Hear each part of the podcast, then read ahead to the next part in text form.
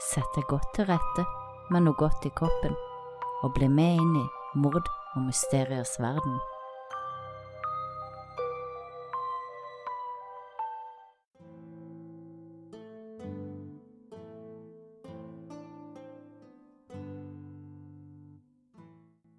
Noen drap blir først mystiske når etterforskninga starter og man oppdager de mange merkelige hendelser i forkant av drapet. Men kan disse hendelsene gi svaret på drapsgåten, eller er det hele bare tilfeldig? I dagens to historier forsøker man ennå å finne svaret. Günther Stoll var en tysk arbeidsledig matteknolog som bodde i Anshausen sammen med sin kone. Det nærmer seg slutten av året 1984, og de siste månedene hadde Günther vært plaga av paranoia.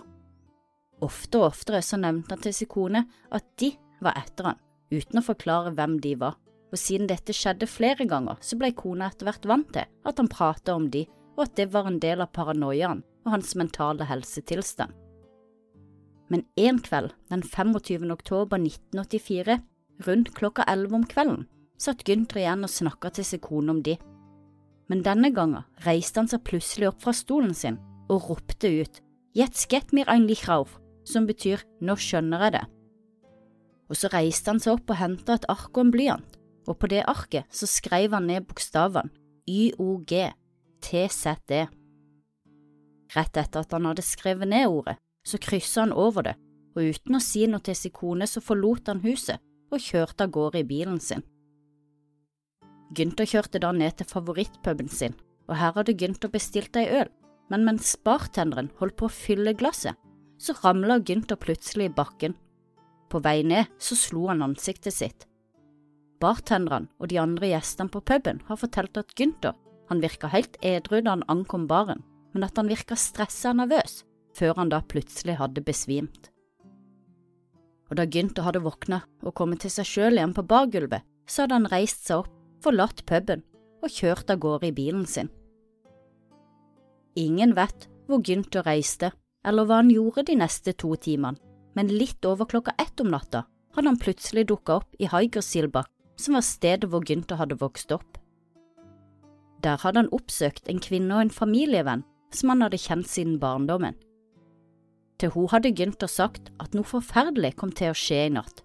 Denne kvinnen, som var en eldre dame, hadde insistert på at Gunther enten måtte reise hjem til sin kone eller til foreldrene sine, og heller snakke med de. Gunther hadde virka å være enig og hadde satt seg igjen i bilen og kjørt av sted. To timer senere, klokka tre på natta, hadde to lastebiler kommet kjørende på autobanen A45 da de hadde oppdaga en sterkt skada bil i grøfta.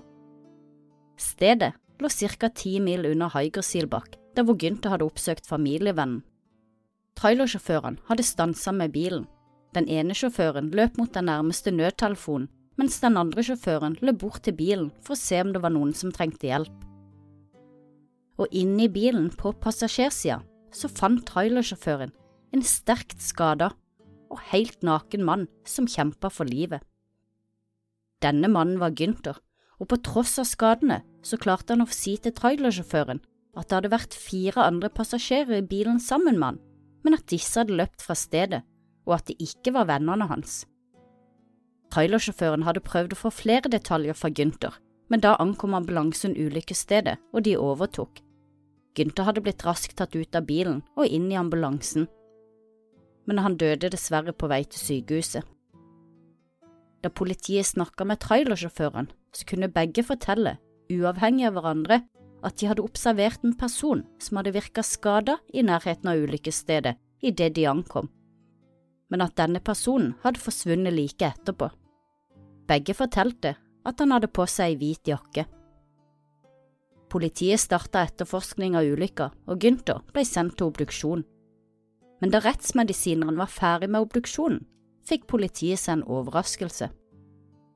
På dødsårsaken til Gunther viste seg å være forårsaka en påkjørsel, og de kunne i tillegg fastslå at han ikke var blitt påkjørt av sin egen bil, og det som kanskje er det merkeligste, at han var naken idet han ble påkjørt. Så politiets etterforskning konkluderte med at noen måtte ha kjørt på Gunther et annet sted enn der han og bilen ble funnet, og at noen deretter måtte ha plassert den nakne og skada Gunther i passasjersetet på bilen hans, som de da enten krasja i grøfta, eller som kanskje allerede lå i grøfta. Og mannen i den hvite jakka som begge trailersjåførene hadde observert, har aldri blitt identifisert. Det har heller ikke de fire mennene som Gunther hevda var i bilen hans før han døde. Og stedet hvor Gunther ha blitt påkjørt, er heller aldri blitt identifisert. Så hva skjedde denne natta, og hvilken, om noen betydning, hadde Gynters lapp med bokstavene YOG, TZD for hva som skjedde denne natta? Kan meninga med lappen være avgjørende for å løse saken, eller var det hele bare en ren tilfeldighet? Og hva hadde Gunther ment da han fortalte denne familievennen at noe forferdelig kom til å skje den natta? Og hvem var de som han jevnlig nevnte for sin kone? Var det en fantasi, eller var det virkelighet? Det har vært flere teorier om hva Gunther mente med lappen YOG-TZD. Noen mener at han egentlig skrev ned et bilskiltnummer, at noen av bokstavene egentlig kan ha ment å være tall. O kan ha vært null, Z kan ha vært to, og bokstaven G kan egentlig ha vært tallet seks. Men lappen ble jo skrevet flere timer før Gunther ble påkjørt, og Gunther kan jo ikke ha visst at han kom til å bli påkjørt flere timer seinere. Fins heller ingen bilskilt i Tyskland med bokstavene 206 TZD, og det er heller ikke et typisk tysk bilskilt. Andre teorier går på at Gunther var utdannet matteknolog, og TZD er faktisk navnet på en smak som ofte ble tilsatt i yoghurt. Flere har derfor teorisert om at det rett og slett bare betyr YOG for yoghurt og TZD for smaken, og at denne lappen ikke har betydning for hva som skjedde senere den kvelden og natta. Når mennesker med mentale problemer og eller med paranoia sier og gjør ting, så gir det som oftest lite mening for andre, og som regel finnes det lite logikk eller fornuft i det som blir sagt eller gjort for andre enn personen sjøl. Men det vi vet med sikkerhet, er at Gunther ble påkjørt mens han var naken på en tysk vei midt på natta. Men hvorfor var Gunther naken? Og hvorfor gikk han på veien på autobanen? Og hvor var bilen hans mens dette foregikk? Jeg kunne heller ikke finne noe informasjon om klærne til Gunther. Ble de funnet, og hvis de ble funnet, hvor fant man de? Og hvem var denne mannen i den hvite jakka som begge trailersjåførene hadde observert nær ulykkesstedet, og hvilken, om noen rolle, hadde denne personen i Günthers død? Og hva fikk Gunther til å fortelle familievennen at noe forferdelig kom til å skje den natta? Var det hele bare tilfeldig? Eller var det Gynters paranoia som gjorde at han uvitende satte seg i en situasjon som førte til hans død? Kan han ha kledd seg naken i et anfall av paranoia og løpt rundt i veien da en bil kom som ikke rakk å stanse og dermed kjørte på Gunther med et uhell? Kan føreren og eventuelt passasjerer i bilen ha fått panikk og deretter har forsøkt å få det til å se ut som om Gunther sjøl har krasja. Kanskje hadde de tenkt å sette Gunther over i førersetet på bilen hans etter at de kjørte bilen hans i grøfta, men ble avbrutt av trailersjåføren og endte opp med å flykte fra åstedet. Men trailersjåføren hadde ikke lagt merke til andre biler i området, så hvor ble denne mannen eller mennene av? Det er tross alt ikke så mange steder å gjemme seg på autobanen i Tyskland, og det er lange strekninger uten stoppesteder så burde ikke trailersjåføren ha lagt merke til det om det hadde stått en bil parkert et sted langs veien. I 36 år har Günthers død vært et mysterium for politi, venner og familie. Ingen har ennå klart å komme opp med et godt svar på hva som skjedde, eller hvorfor det skjedde, og kanskje vil man aldri klare å finne et klart svar på det.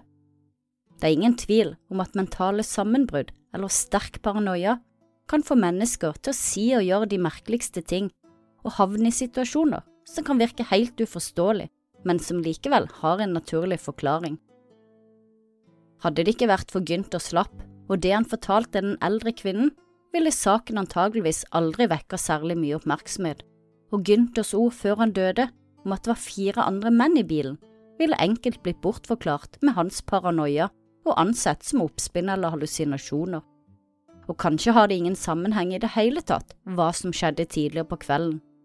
For etter at Gunther hadde notert ned ordet YOGTZE, så reiste han ned på favorittbaren og bestilte ei øl. og etter at Gunther besvimte, så dro han umiddelbart fra baren og kjørte av sted. Vi vet at han slo ansiktet i fallet inne på baren. Kan det være dette fallet, kombinert med hans allerede fremtredende paranoia, som gjorde at Gunther plutselig fikk for seg at noe forferdelig skulle skje denne natta, eller gjorde paranoiaen at Gunther trodde noe annet skjedde inne på baren, at noen slo han ned? Politiets hovedteori, og den folk flest lener mot, er at Günthers mentale helse denne natta nådde nye høyder, at Gunther på vei hjem kjørte i grøfta, for deretter å kle av seg klærne og vandre naken opp på veien, hvor han så blei påkjørt, og at vedkommende som var så uheldig å kjøre på han, bestemte seg for å ikke gi beskjed til politiet av frykt for hva som kunne skje, og at de derfor valgte å heller følge Gunther ned til golfen som de hadde sett lå i grøfta lenger borte i veien. Lappen med ordet YOG-TZE tror politiet kun var skriblerier fra en gal mann, og at denne er helt uten betydning for hva som skjedde senere den kvelden. At historien er merkelig, er det ingen tvil om, men det er vanskelig å finne noe godt svar på hva som faktisk skjedde.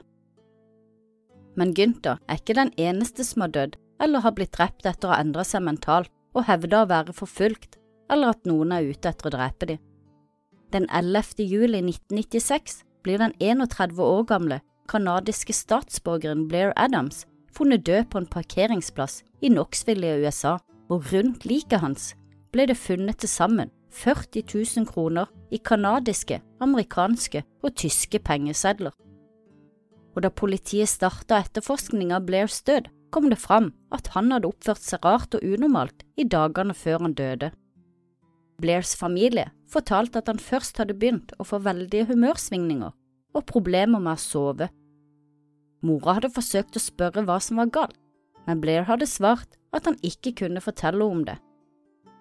Og den 5. juli, seks dager før han ble funnet død, tar Blair ut alle sparepengene sine fra banken og flere smykker og juveler med en verdi på flere tusen dollar.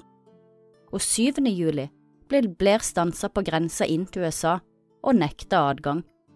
Ifølge grensevaktene var Blair alene, og han hadde masse kontanter på seg, så de følte han passa profilen til en narkotikasmugler.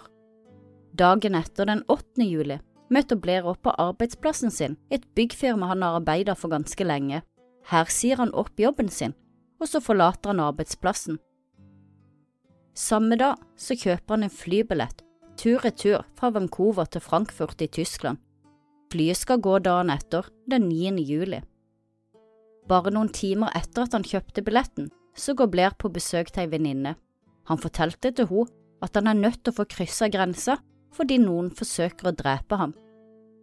Venninna hadde forsøkt å få ut mer informasjon, slik at hun kunne hjelpe Blair, men han var ikke mottagelig for hjelp og da 9. juli kom, bare timer før flyet skulle lette, så hever Blair kjøpet på billetten, og i stedet så leier han seg en bil, og denne gangen så klarer han å passere grensa.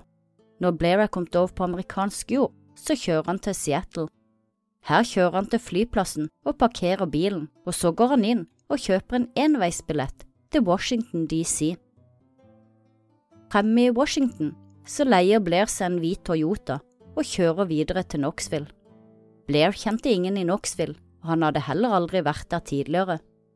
Halv seks samme kvelden ankommer Blair en bensinstasjon i Knoxville. Her forteller han de ansatte at leiebilen hans ikke vil starte. De ansatte forsøker å hjelpe, men de oppdager ganske raskt at Blair ikke har de riktige nøklene til bilen, og det er grunnen til at han ikke vil starte. Blair sier derimot at det er de eneste nøklene han har, og han blir stående litt rådvill på stasjonen så en av mekanikerne følger Blair til et hotell i nærheten, sånn at han har et sted å sove for natta. Resepsjonisten på hotellet legger godt merke til Blair, han virker veldig nervøs, og han går ut og inn av lobbyen fem ganger før han endelig bestiller seg et rom. Bare en stund etterpå forlater Blair hotellet, og det var siste gang at noen så ham i live. For tolv timer senere blir Blair funnet drept på en parkeringsplass et par kilometer fra hotellet. Blair ble funnet naken fra liv og ned. Buksa hans lå på sida av kroppen på vranga som om den hadde blitt dratt av. Også sokkene hans så ut til å ha blitt dratt av sånn at de vrengte seg. Skoene sto pent på sida, og skjorta så ut til å ha blitt revet åpen, og rundt kroppen hans lå det 4000 dollar i kontanter, i tillegg til ei rumpetaske fylt med smykker og juveler. På stedet fant man også nøklene til leiebilen, de riktige nøklene, ingen andre nøkler ble funnet. Årsaken til Blairs død viste seg å være et kraftig slag i magen. Våpenet var mest sannsynlig et balltre eller et kubein. I panna hadde kraniet knekt. Obduksjonen viste også at Blair hadde forsøkt å forsvare seg selv, og hendene hans bar preg av forsvarssår, og et hårstrå ble funnet i handa hans. Politiet mistenker at håret stammer fra drapsmannen, og flere av skadene på Blairs kropp indikerte også at han hadde blitt utsatt for et seksuelt overgrep. Det var 11. juli 1994, nær Interstate 40 i Knoxville, ca. halv fire om morgenen, at Blair ble drept. En bygningsarbeider i nærheten hadde i samme tidsrom hørt et skrik som kom fra parkeringsplassen. Men bygningsarbeideren han var overbevist om at det var en kvinneskrik han hadde hørt. På tross av alt dette konkluderte politiet med at frykten Blair hadde hatt i tida før sin død, bare var noe han innbilte seg, dette på tross av at Blair ble drept nettopp sånn han hadde frykta. Ved første øyekast hadde politiet mistenkt at på drapet var et ran som hadde gått galt, men den teorien ble raskt sjekka ut, da ingen av Blairs verdier mangla fra åstedet. Politiet undersøkte også om Blair kunne havna i en narkotikakrangel, men de kunne ikke finne noen beviser eller noe som tyder på at han noen gang hadde hatt noe med narkotika å gjøre. Det ble også etterforska om han kunne ha blitt drept av en prostituert eller en hallik, men heller ikke der kunne politiet finne noe bevis for at han noen gang hadde brukt eller vært i kontakt med prostituerte, men ett vitne beskrev at de hadde observert Blair kvelden før han døde sammen med en uidentifisert mann på flere av Knoxvilles restauranter. Politiet har aldri klart å avkrefte eller bekrefte at det var Blair som ble observert denne kvelden, hvem denne mannen var, eller om han i det hele tatt har noe med drapet på Blair å gjøre. Det ble også henta ut DNA fra hårstrået som ble funnet i Blairs hånd, men en match har ikke blitt funnet. I et nyere intervju hevder Blairs mor at han hadde reist til USA for å delta på olympiaden. Hun fortalte også at Blair før sin død hadde vært romantisk involvert med en mannlig romkamerat, og dette var informasjon som hun av ukjente årsaker ikke hadde gitt til politiet tidligere så kunne dette støtte opp om teorien om at Blair hadde oppsøkt en mannlig prostituert den kvelden han døde. Så hva skjedde egentlig med Blair? Innbilte han seg bare at noen ville drepe han, og satte han seg uvitende i fare som følge av sin paranoia? Eller var det et homoseksuelt møte som gikk galt denne kvelden? Eller ble han drept fordi han selv angrep noen som forsvarte seg, som forsvant i panikk da de skjønte at Blair var død? Var det derfor alle verdisakene lå igjen ved kroppen hans? Var det bare tilfeldig at både Blair og Gunther ble funnet drept etter at de begge hevda at noen var ute etter å ta dem? Eller var det virkelig noen som var ute etter dem? Begge drapene er både underlige og uoppklarte, og kanskje vil vi aldri få svar på hva som faktisk skjedde med noen av dem. Hva tror du skjedde?